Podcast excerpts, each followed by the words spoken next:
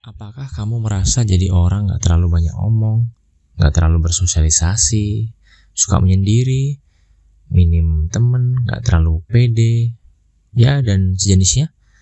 Tenang, kita sama. But anyway, daripada pemikiran-pemikiran ini cuma sekedar jadi suara-suara jadi pikiran, lebih baik saya cuap-cuap deh di podcast siapa tahu bermanfaat atau siapa tahu juga bisa untuk sharing-sharing dengan kalian yang mungkin punya problem yang sama dan kita bisa cari solusi bareng-bareng gimana caranya dengan karakter kita yang seperti ini kita bisa survive jalani hidup dengan baik. So keep stay tune ya